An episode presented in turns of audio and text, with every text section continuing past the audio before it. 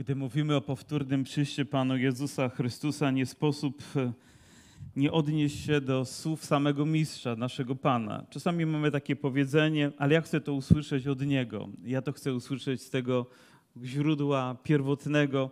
I z pewnością takim jest to, co wypowiedział Jezus na temat swojego powrotu, na temat powtórnego przyjścia.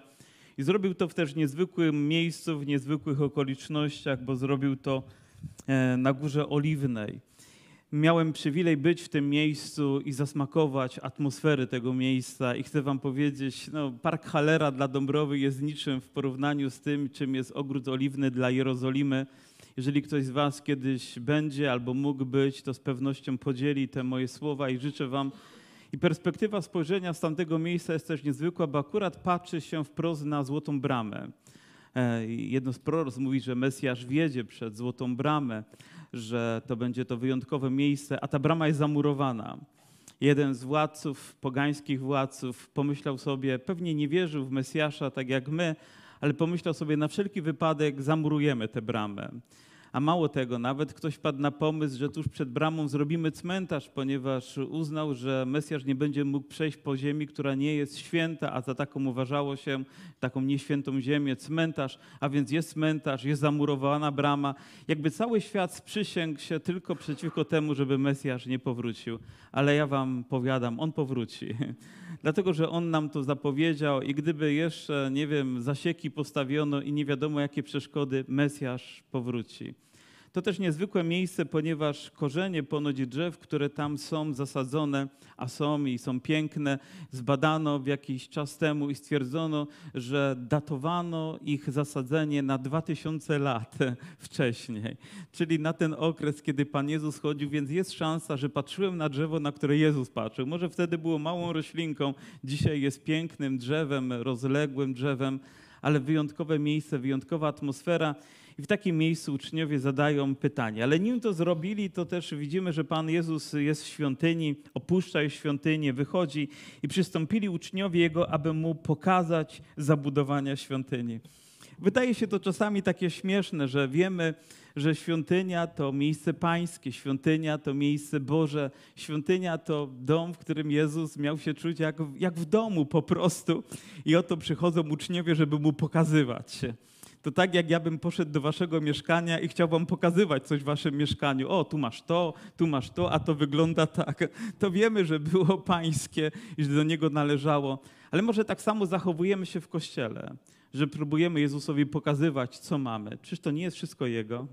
Czyż my nie jesteśmy Jego? Czyż nie należymy do Niego? Nie jesteśmy pod Jego władzą i autorytetem? Ale Jezus odpowiedział im i mówi, czy nie widzicie tego wszystkiego? Jakby chciał jeszcze raz zwrócić uwagę, zaprawdę powiadam wam, nie pozostanie tutaj kamień na kamieniu, który by nie został rozwalony. Józef Lawiusz powiedział, że jeżeli ktoś nie widział świątyni, to nie widział pięknego budynku. On musiał zachwycać. Naprawdę budził podziw i każdy, kto na niego spojrzał, to szczęka mu opadała, oczy się otwierały i z pewnością był pod wrażeniem. I w tym momencie uczniowie byli pod takim samym wrażeniem, pomimo, że bywali tam już wcześniej, a Jezus mówi, nie zostanie tutaj kamień na kamieniu. Wiemy, że za chwilę te słowa zostaną mu przypomniane, aby go oskarżyć, że on takim dywersantem jest i, i że chce zburzyć świątynię i że użyje do tego swoich uczniów chyba po to, żeby zabić jego i pewnie zniszczyć, zniszczyć uczniów i w związku z tym oni też musieli, musieli zadrżeć, ale to się wypełniło. W 70 roku najeźdźca przyszedł i zburzył świątynię. Nie pozostał kamień na kamieniu. Więc jeżeli te słowa się wypełniły, a wypełniły się i jesteśmy tego świadkami, fakty historyczne o tym donoszą, w tym momencie nawet nie pomyśleli, o to kto w ogóle śmie tak pomyśleć, ale Jezus zapowiada coś, co się wydarzy i to się wydarza. Więc wszystko to, co mówi później i zapowiada, to się wydarzyło i to się wydarzy. Każde Jego słowo wydarzy się. Każde Jego słowo będzie, będzie tym, czego my będziemy świadkami, albo kolejne pokolenia, jeśli Pan da, będą świadkami, ale ono się wypełni aż do końca. Aleluja.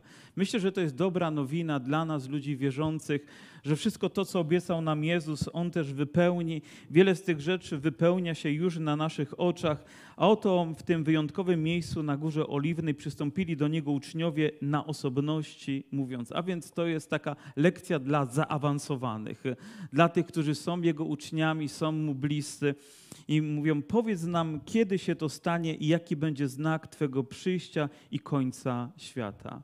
Wygląda na to, że Pan Jezus często z uczniami rozmawiał i więcej rzeczy omówił niż zostało zapisane i mówił o swoim powtórnym przyjściu, choć nie jestem pewien, czy oni wszystko rozumieli. Jeżeli nie rozumieli też do końca tego, że on musi umrzeć, że jego ofiara zostanie złożona, że on zmartwychwstanie i progresywnie było to objawiane w tym momencie, kiedy się to działo, to nie wiem, czy oni w pełni rozumieli nawet pytania, które zadawali, ale to było w kontekście tego, czego się uczyli. I myślę, że taki jest nasz też chrześcijański rozwój, że że nie wiem, czy wszystko rozumiemy, nie wiem, czy mamy odpowiedzi na wszystkie pytania, ale w trakcie naszej drogi za Bogiem te pytania pojawiają się i przychodzą też odpowiedzi. Bóg nas uczy kolejnej lekcji, kolejnej lekcji. I nawet jeżeli ktoś z Was kroczy za Panem Jezusem lat kilkadziesiąt i czytał Biblię już wielokrotnie, wciąż ma pytania. Wciąż są rzeczy, które potrzebujemy, aby Duch Święty przyszedł i objawił nam na nowo, na nowo i na nowo. Ile razy powracamy do tego samego słowa, czytamy je z nowym zrozumieniem, z nową świadomością, z nową głębią naszego serca. Ile razy to stare słowo odzywa się echem w naszym sercu. Mówimy, Aleluja, nareszcie pojąłem, zrozumiałem, doszedłem do tego i to słowo przemówiło do mnie. Mieliście tak? Jesteście ludźmi wierzącymi, więc prawdopodobnie każdy z Was to przeżywał osobiście i będziecie przeżywali. Ale zaczynają, wydaje się, od niewłaściwego pytania, bo pytają, kiedy to się stanie jakby ludzka niecierpliwość tutaj się odzywa. No, no powiedz nam kiedy, no kiedy? Jutro, pojutrze, za tydzień, za miesiąc, podaj datę, podaj godzinę. I to jest jedna z tych rzeczy, których nie wolno nam robić. Nawet gdybyśmy pytali, to nie uzyskamy odpowiedzi dotyczącej daty. I nikt nie powinien nigdy tego robić na przestrzeni historii, i nam również nie wolno tego robić. Kiedy słyszę i nawet próbują ludzie jakoś prognozować te daty, nawet gdzieś przybliżone, to ja z moją ewangeliczną wrażliwością jestem dość ostrożny. O wiele bardziej interesuje mnie odpowiedź na drugie pytanie, jaki będzie znak Twego przyjścia i końca. I na to pytanie Jezus udziela odpowiedzi i, i mówi do swoich uczniów, a Jezus odpowiedział rzekim, baczcie, żeby was kto nie zwiódł. Nie odpowiada tak bezpośrednio kiedy i krótko i jaki będzie znak, ale pierwsze ostrzeżenie, które daje, to baczcie. Nie wiem, z czym Wam się kojarzy to słowo, ale dla mnie to tak, jakbyśmy wystawili kogoś, by pilnował na straży, czuwał, żeby nie nadszedł wróg i nie zrobił jakiejś krzywdy. I myślę, że nie jest to tak, że jeden pilnuje wszystkich, ale my wszyscy musimy pilnować swoich serc osobiście, bacząc uważnie. Słowo bacząc to też jakby wzywa nas, żeby stanąć na baczność, bo za chwilę pojawi się coś ważnego, jakaś gotowość, która nie powinna ustępować z naszego życia, bo stajemy na arenie wydarzeń, gdzie dzieje się tak wiele, wiele rzeczy i musimy wciąż i wciąż nieustannie zachowywać czujność. Gdy ją na chwilę stracimy, może to się odbić czymś bardzo niepokojącym i niebezpiecznym w naszym życiu. Jeżeli ktoś, żyjąc z Panem Jezusem i trwając w społeczności z Nim, a wcześniej był osobą, powiedzmy, uzależnioną od alkoholu, ale na chwilę stracił swoją czujność i pojechał gdzieś na wesele. No i zrobiła się fajna atmosfera i sięgnął tylko symbolicznie po pierwszą lampkę wina czy alkoholu. Może się okazać, że to czuwanie jego zamieni się za chwilę w dramat, który będzie się rozgrywać. I tak samo myślę, te rzeczy dotyczą naszego duchowego życia, gdziekolwiek jesteśmy, na jakiejkolwiek uroczystości, w jakimkolwiek wydarzeniu, słuchamy jakiegokolwiek wykładowcę, jakiegokolwiek kaznodzieje, to musimy baczyć na co? Na Słowo Boże, na Jezusa, na Jego naukę, na Jego prawdę. Bo może wiele rzeczy wyda nam się emocjonalnie takich dotykających, ale pytanie, czy one mają zakotwiczenie w prawdzie Bożego Słowa. Jezus mówi: baczcie uważnie, żeby was kto nie zwiódł. Więc wygląda na to, że każdy z nas jest w grupie ryzyka ryzyka tego niebezpieczeństwa, które związane ze zwiedzeniem. I nie tylko jednostki, ale bywa, że całe zbory, całe denominacje, całe społeczności są zmiatane przez jakąś fałszywą naukę i doktrynę, która się tam pojawiła.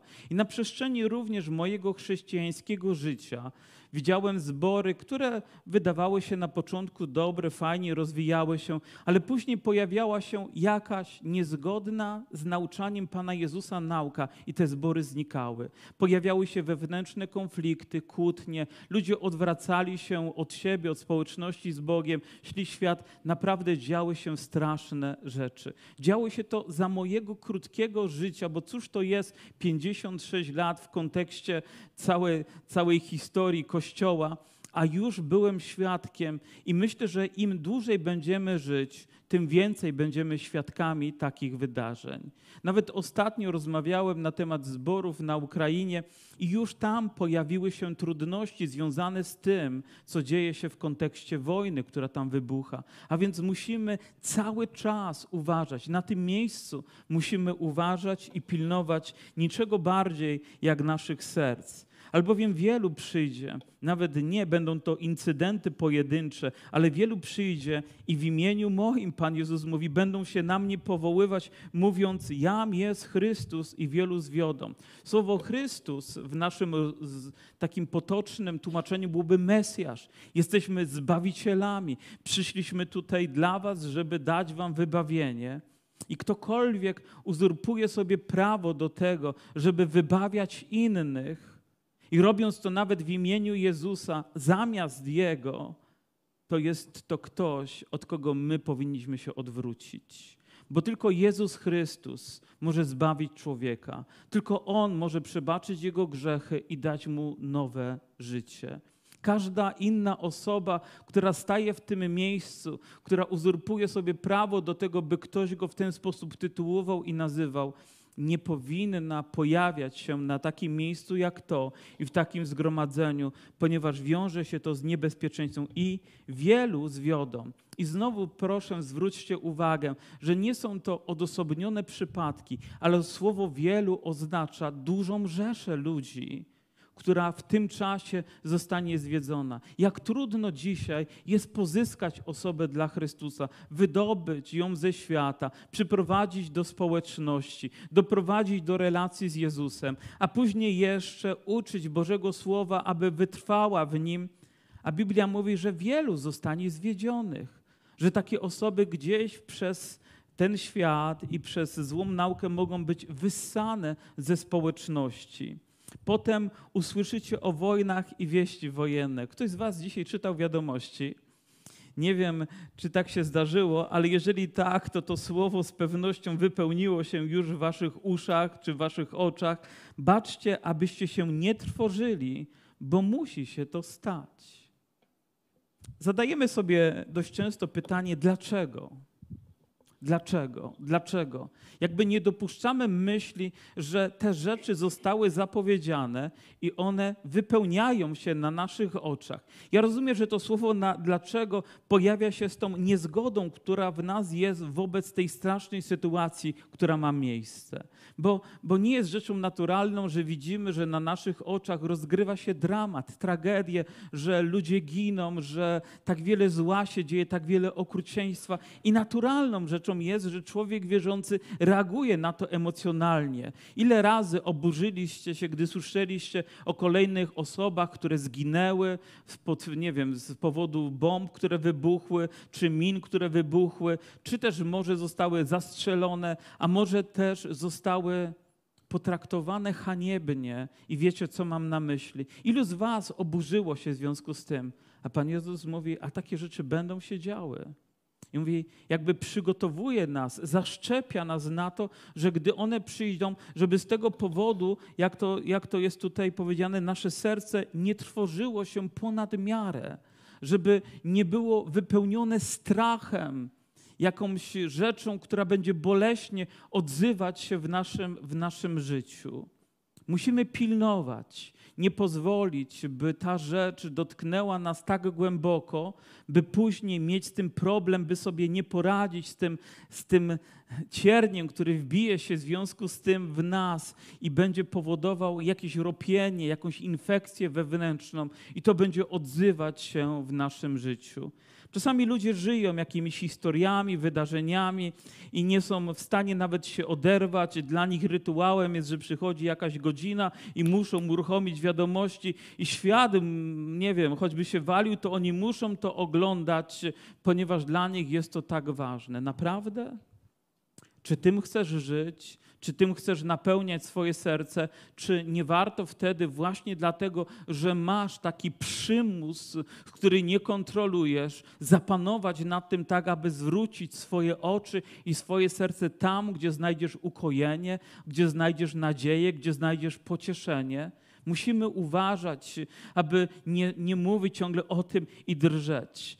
Jeszcze nie tak dawno, i to również za chwileczkę będzie, nasze serca były napełnione strachem zupełnie z innego powodu. Z powodu tego, że choroba pojawiła się, która ogarnęła cały świat. Ludzie chorowali masowo, umierali, byliśmy tego świadkami. Może nawet niektórzy nasi bliscy pożegnali się z życiem. I pamiętam moment, kiedy jechałem samochodem, i to był chyba taki, taki dzień w tygodniu, nie święto jakieś, gdzie wszyscy są gdzieś pozamykani, ale zwyczajny dzień i nie było samochodów na ulicy. Wiecie, zazwyczaj to był tabun samochodów, jeden za drugim, tak jak to jest dzisiaj, ale ulice były absolutnie puste, a ja jechałem na nabożeństwo. I wiecie, że ta scena te, tych pustych ulic była taka apokaliptyczna.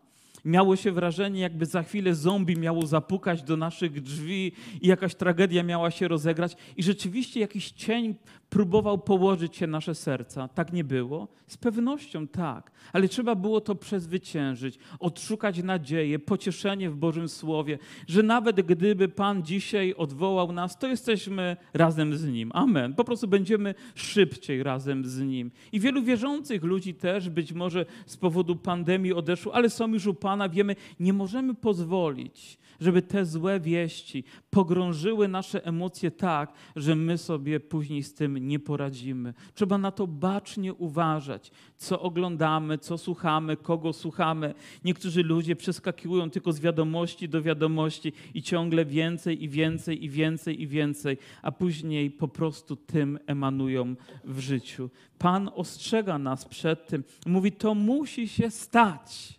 Chcemy czy nie, na naszych oczach Słowo Boże będzie się wypełniać. I nie tylko to, które jest tak dobre i przyjemne i słodkie, ale to, które jest czasami dramatyczne, straszne i tragiczne, ale jest nieuniknione to, aby ono wypełniło się. A to jeszcze nie koniec. Usłyszymy wieści wojennej, ale to jeszcze nie koniec. Powstanie bowiem naród przeciwko narodowi i królestwo przeciwko królestwu i będzie głód i mur i miejscami trzęsienia ziemi. Nie wiem, czy ktoś z Was zna słowo mur. mur to nie znaczy budowla, tak, zbudowana z cegieł, tylko mur to znaczy zaraza, to znaczy choroba, to znaczy śmierć, która za tym idzie. Jak, no, to jest tragiczne słowo w swoich skutkach, ale ono tutaj się pojawia i będzie głód i mur.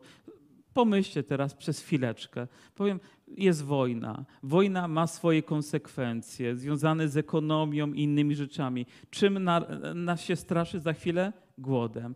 Co za chwilę się odzywa, że nowe choroby się pojawiają i znowu pandemia może powrócić i znowu, że mur będzie.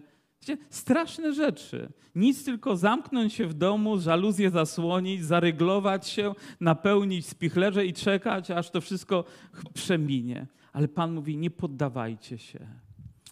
Pamiętam te nabożeństwa, gdzie nas było kilka osób. I wiecie, i nie dlatego, że te ograniczenia tylko były takie, że mogło być kilka osób, ale wiele osób nawet nie miało odwagi przyjść do zboru. Bądźcie szczerzy sami przed sobą że być może nawet to powstrzymało was. A mówię, a może jednak dla bezpieczeństwa zostać w domu, zachować ten dystans społeczny, lepiej tam nie iść, a może ktoś przyniesie jakąś chorobę, a może po drodze jeszcze jakiś wirus mnie dopadnie. Jeżeli jesteście szczerzy przed sobą, wielu z was musiało się z tym po prostu zmagać. Ale czy myślicie, że to jest koniec? A może to jest dopiero początek czegoś, co będzie o wiele trudniejsze dla nas? Jak się stanie, gdy przyjdzie kolejny kryzys, kolejna sytuacja? Jak, jak, jak się zachowamy dzisiaj? O, jesteśmy mądrzejsi o tą wiedzę. O, dzisiaj byśmy się tak nie bali na pewno. Proszę, bądź przygotowany na to, co może naprawdę potrząsnąć Twoim życiem i będzie też miejscami trzęsienia ziemi.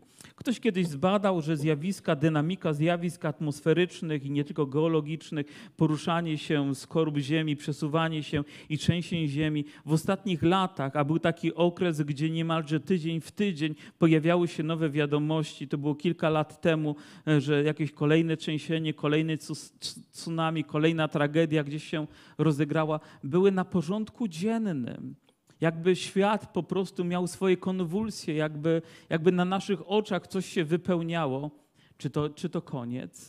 Czy znowu się to nie wydarzy? Tego nie wiemy, ale wiemy, że te rzeczy będą miały miejsce i intensywność będzie wzrastać. I za każdym razem, gdy ziemia się trzęsie, mam tą świadomość, że przyjście Pana jest coraz bliższe. Wiem, że za tym idą tragedie, giną ludzie, zmienia się tak wiele rzeczy. Wiele ludzi wstaje w sytuacji naprawdę trudnej, wymagającej pomocy, ale wiem, że dla mnie to jest też świadectwo, że jest jakby pukanie do drzwi drzwi, albo kolejny krok, który słyszymy, który jest stawiany, mówiący o tym, że przyjście Pana jest bliskie. On jest tuż, tuż u drzwi. Ale i w tym miejscu, myślę, Pan powiedział, ale to jeszcze nie koniec, albo nie trwóżcie się, a to wszystko dopiero początek boleści.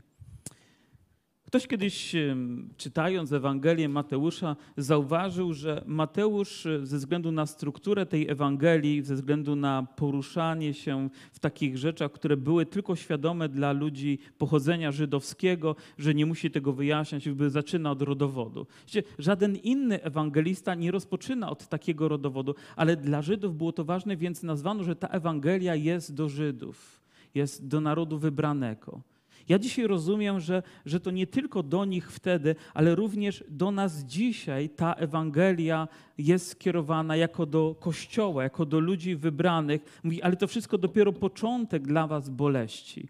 Myślę, że żaden inny naród nie przeżył tyle boleści, jak naród izraelski na przestrzeni wieków. My Polacy też sporo przeżyliśmy i sporo przeżywamy, ale oni holokaust za holokaustem, tragedia za tragedią. Jakby diabeł sprzysiągł się, żeby zniszczyć ten naród. Jesteście tego świadomi?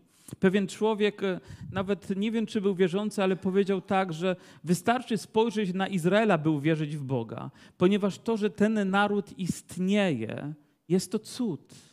Ponad wszelką wątpliwość cud, bo według wszelkich praw ludzkich, ziemskich, administracyjnych czy jakichkolwiek, powiem, ten naród nie powinien istnieć, a jednak istnieje. Wtedy wydawać was będą na udrękę i zabijać was będą i wszystkie narody pałać będą nienawiścią dla imienia mego. I myślę, że to dla imienia mego obrazuje, że to nie tylko chodzi o wierzących Żydów, ale chodzi również o nas, że przyjdzie czas, kiedy w oczach tego świata my jako Kościół będziemy znienawidzeni że ludzie będą wywierać na nas ogromną presję, będą pałać nienawiścią, a nawet czytamy, że wtedy wydawać was będą na udrękę i zabijać was będą. I, a więc stanie się coś, czego będziemy świadkami, że dowiemy się, że mój brat albo moja siostra trafiła do więzienia z powodu wiary. Mój brat albo moja siostra została pozbawiona życia z powodu wiary. Ale tak naprawdę, gdybyśmy przypatrzyli się dzisiaj światu, nasze oczy skupione są teraz na wojnie na Ukrainie i to rzeczywiście zabiera nam perspektywę spojrzenia na wiele innych rzeczy. Bowiem pandemia oczywiście również zogniskowała naszą uwagę bardzo mocno. A wiecie, że teraz na świecie ginie więcej ludzi wierzących niż kiedykolwiek wcześniej? Że dzisiaj tego dnia gdzieś tam z powodu wiary w Pana Jezusa ktoś trafia do więzienia albo ktoś traci swoje życie i to w XXI wieku i nie piszą o tym w gazetach, ponieważ one są zajęte zupełnie czymś innym. Czy myślicie, że ktoś będzie się przejmować waszym losem, że żyjemy w tak demokratycznym świecie, tak idealistycznym świecie, że włos z głowy nam nie spadnie? Pan Jezus o tym będzie wiedział, gdy spadnie, ale Biblia mówi, te rzeczy nie tylko miały miejsce.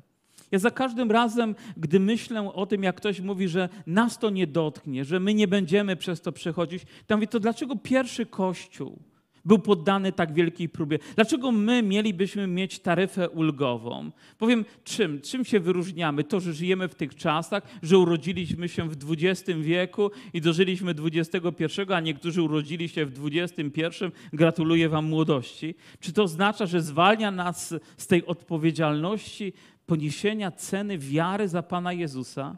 Możemy być bardzo zdziwieni.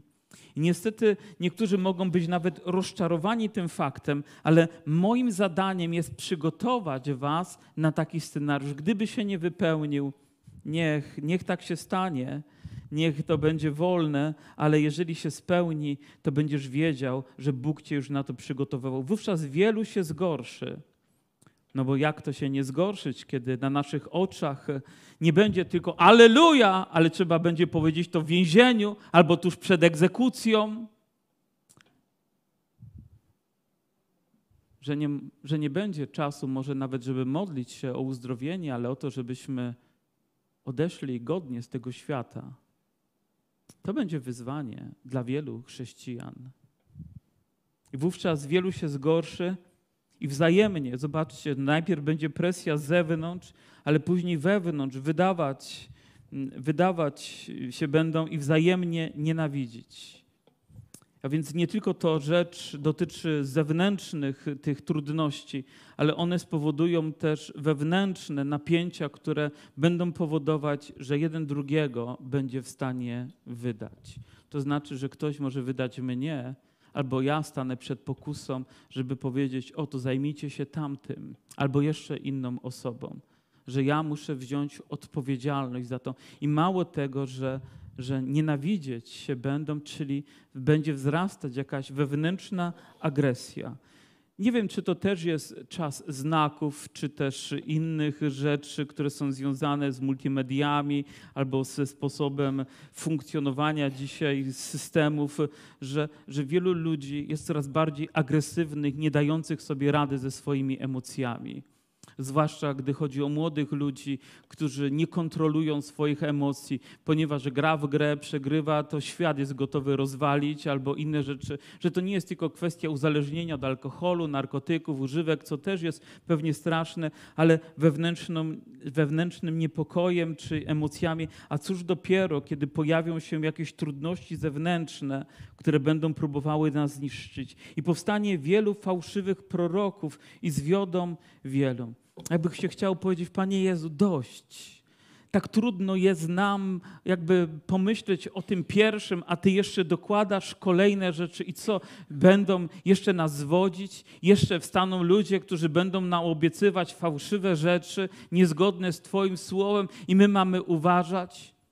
Ale Pan Jezus mówi prawdę swoim uczniom bez względu na to, czy to mi się spodoba, czy nie. Pewnego dnia powiedział kazanie, i po tym kazaniu zostało tylko 12 70 uczniów. Pozostali po prostu odeszli sobie, bo nie spodobała im się nauka, którą Pan Jezus głosił. O, nie, nie będziemy dalej tego słuchać, bo to zbyt trudne, żeby zrozumieć, że mamy pić krew czy jeść ciało, to po, poza ich świadomością. Ale Pan Jezus mówi prawdę, zawsze mówi prawdę. Mówi prawdę do swojego kościoła, mówi prawdę również i dzisiaj do nas, abyśmy byli świadomi też ważności, konsekwencji Bożego, Bożego Słowa. I wielu, i zwiodą wielu, i znowu będą wewnętrzne trudności w kościele, ponieważ bezprawie się rozmnoży przeto miłość wieloziemnie. Kto wytrzyma? Powiedzcie mi, kto przez to sito przesiane tymi trudnościami pozostanie? Wiecie kto? Prawdziwie wierzący. Ludzie, którzy mają dzisiaj wiarę, nie tylko zapał, ale mają głęboką wiarę. Dzisiaj, dzisiaj rano słuchałem sobie C.S. Louisa, jedną z jego książek, którą polecam całym sercem, po prostu chrześcijaństwo. I powiem, to jest ciekawa, głęboka, głęboka pozycja. I on, I on mówi tak, że dzisiaj wielu ludzi szuka pocieszenia zamiast szukać prawdy. Szuka tylko emocjonalnego jakiegoś poruszenia, ale nie szuka prawdziwości, tej, która wynika z Bożego Słowa. Mówi i tak, kiedy szukasz pocieszenia, ono może na chwilę się pojawić i zniknie, ale gdy szukasz prawdy i do niej dojdziesz, to pocieszenie w Twoim sercu nigdy nie ustanie. Ja wierzę, że powinniśmy szukać prawdy ponieważ gdy ją odnajdujemy, odnajdujemy pocieszenie, odnajdujemy to, co jest pewnością w naszym sercu. Mówi, ponieważ bezprawie się rozmnoży, a więc będziemy świadkami i nie dlatego, że to prawo będzie takie, że, że ono nie będzie zgodne ze standardami tego świata, ale dlatego, że będzie niezgodne ze standardami Bożego Słowa. Bezprawie może również oznaczać rozwiązłość, może oznaczać zło, które będzie powszechne, które nie jest dla nas ewangelicznie ludzi akceptowalne, ale będzie, będzie nawet prawnie dopuszczalne, będzie działo się na naszych oczach i przeto miłość, przeto prawdziwa miłość, ta Boża miłość, ta miłość agape, ta miłość, która mówi o naszej relacji z Bogiem i ta miłość, która pewnie powinna być właściwie okazywana bliźniemu, ona osłabnie ona będzie na bardzo niskim poziomie. To nie znaczy, że nie będzie emocji, ale nie będzie w tym prawdziwej miłości. A kto wytrwa do końca, ten będzie zbawiony. Jakby podpisem i również tym, który jest składany w księdze, w księdze objawienia, gdy Pan kieruje słowo, gdy Jezus kieruje słowo do zboru, to można by prawie każdy z nich skwitować. A kto wytrwa do końca, a kto wytrwa do końca, będzie zbawiony. Kto zachowa szatę białą, kto się nie podda, kto się nie ulęknie, kto nie zostanie zwiedziony, będzie zbawiony. Ale my dzisiaj zbawienie inaczej traktujemy, bez potrzeby wytrwania. Po prostu jest mi dane w pakiecie raz na zawsze, aleluja, niczym nie muszę się przejmować. Biblia mówi tak, jest ci dane, ale jesteś zobowiązany do tego, żeby w nim wytrwać. A więc jest coś, co musisz pielęgnować, w swoim sercu, coś, o co musisz dbać, o coś, na co musisz baczyć, musisz uważać na to, bo to jest cenny dar, który został złożony, a teraz naszym zadaniem i naszą powinnością jest tym wytrwać. I będzie głoszona ta Ewangelia o Królestwie po całej ziemi na świadectwo wszystkim narodom i wtedy nadejdzie koniec. W zasadzie mógłbym jeszcze pociągnąć, bo dopiero rozpoczęliśmy ten rozdział, ale zobaczcie, że nawet w tych trudnych czasach dojdziemy do miejsca, gdzie Ewangelia, Słowo Boże będzie zwiastowane, będzie wypełniane, że pomimo tych trudności, przeciwności, powiem, wciąż znajdą się ewangelicznie wierzący ludzie, którzy będą szli z miejsca do miejsca, z państwa do państwa, z jednej kultury do drugiej, z jednej nacji do drugiej, żeby głosić Ewangelię o Jezusie Chrystusie.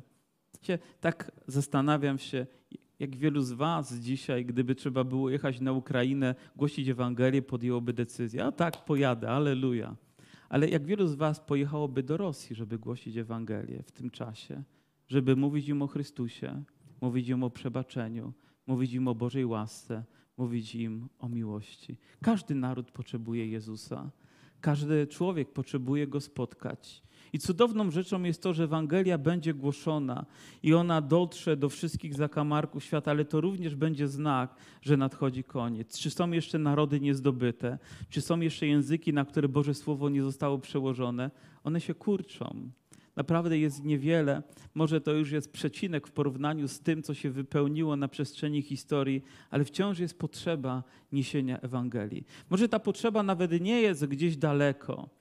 Kiedyś, jako młody, wierzący człowiek, myślałem sobie, Panie Boże, gdzie mnie poślesz? I pierwsza myśl była do Afryki. O, na pewno Bóg chce z moją karnacją, z blond włosami posłać mnie do Afryki. Aleluja. Będę mógł służyć tym ludziom.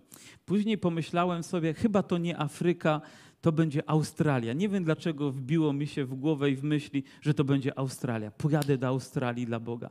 Nie wiem, czy kangury polubiłem, czy cokolwiek, ale w każdym bądź razie przez długi czas myślałem, aż w końcu Bóg powiedział, nie Australia, nie Afryka, nie inny kraj. Mówię, a Dąbrowa Górnicza, Będzin i okolice. Mówię, Boże, wystarczy. To jest moja Jerozolima, Samaria, Judea to jest miejsce, gdzie ja mogę głosić. Jeżeli mogę się przyłożyć do tego, by głosić w Norwegii, pojechałem tam kilka razy, głosiłem. Gdyby trzeba było gdzie indziej jechać do Anglii, chętnie powiem kolejne kazanie w Anglii czy w Irlandii, gdziekolwiek będzie trzeba. Ale każdy zna też miejsce naszego powołania, tam, gdzie Bóg nas stawia, ale Ewangelia się wypełni. Jedno, czego Bóg chce, aby moje i Twoje serce, widząc te wszystkie rzeczy, które się dzieją, nie ulękło się, abyśmy trwali w wierze, abyśmy nie dali się zwieść żadnej fałszywej nauce, żadnym rzekomym cudom, które niby są, ale niekoniecznie przybliżają do Jezusa. Dzieją się na naszych oczach. Kiedyś pewien e, brat, e, który już odszedł do Pana, Wigglesworth, nie wiem czy jego nazwisko dobrze wypowiedziałem, on był znany z tego, że modlił się o różne Boże rzeczy i działy się, naprawdę. Ludzie byli uzdrawiani, powiem, choroby nowotworowe znikały, guzy wielkości, nie wiem, melona znikały z ciał ludzi i, i, i działo się wiele, że ludzie padali na nabożeństwach. Ale mówi tak, wiecie, nie interesuje mnie to, ilu ludzi się przewróci na nabożeństwie. Interesuje mnie, ilu ludzi powstanie, by żyć z Chrystusem. Nie najważniejsze jest, ilu ludzi zostanie uzdrowionych, choć jest to piękne i cudowne, ale najważniejsze jest to, ilu ludzi powstanie do świętego życia z Chrystusem. I myślę, że do tego jesteśmy wezwani. Do tego obliguje nas Boże Słowo, by powstać i żyć dla Pana z całego naszego serca, ze wszystkich naszych sił. I gwarantuję, nie będzie to łatwe, ale wiecie, gdy dobiegniemy do końca, będzie to chwalebne. Nie będziemy żałować ani jednego poświęcenia, ani jednej łzy, ani jednej kropli krwi, którą przyszłoby przelać, tocząc tutaj jakąś duchową walkę, gdy spotkamy się z naszym Panem Jezusem Chrystusem. Więc zachęcam Cię, trwaj w Panu Jezusie. Nie poddawaj się złym wiadomościom. Zwróć swoje oczy tam, gdzie nadchodzi pomoc, tam, gdzie jest źródło życia, tam, gdzie jest pocieszenie dla Twojego serca. Przeciwstaw się wszelkiemu złu. Trwaj w społeczności z Bogiem, z Jego Kościołem i oczekuj Jego przyjścia. Aleluja.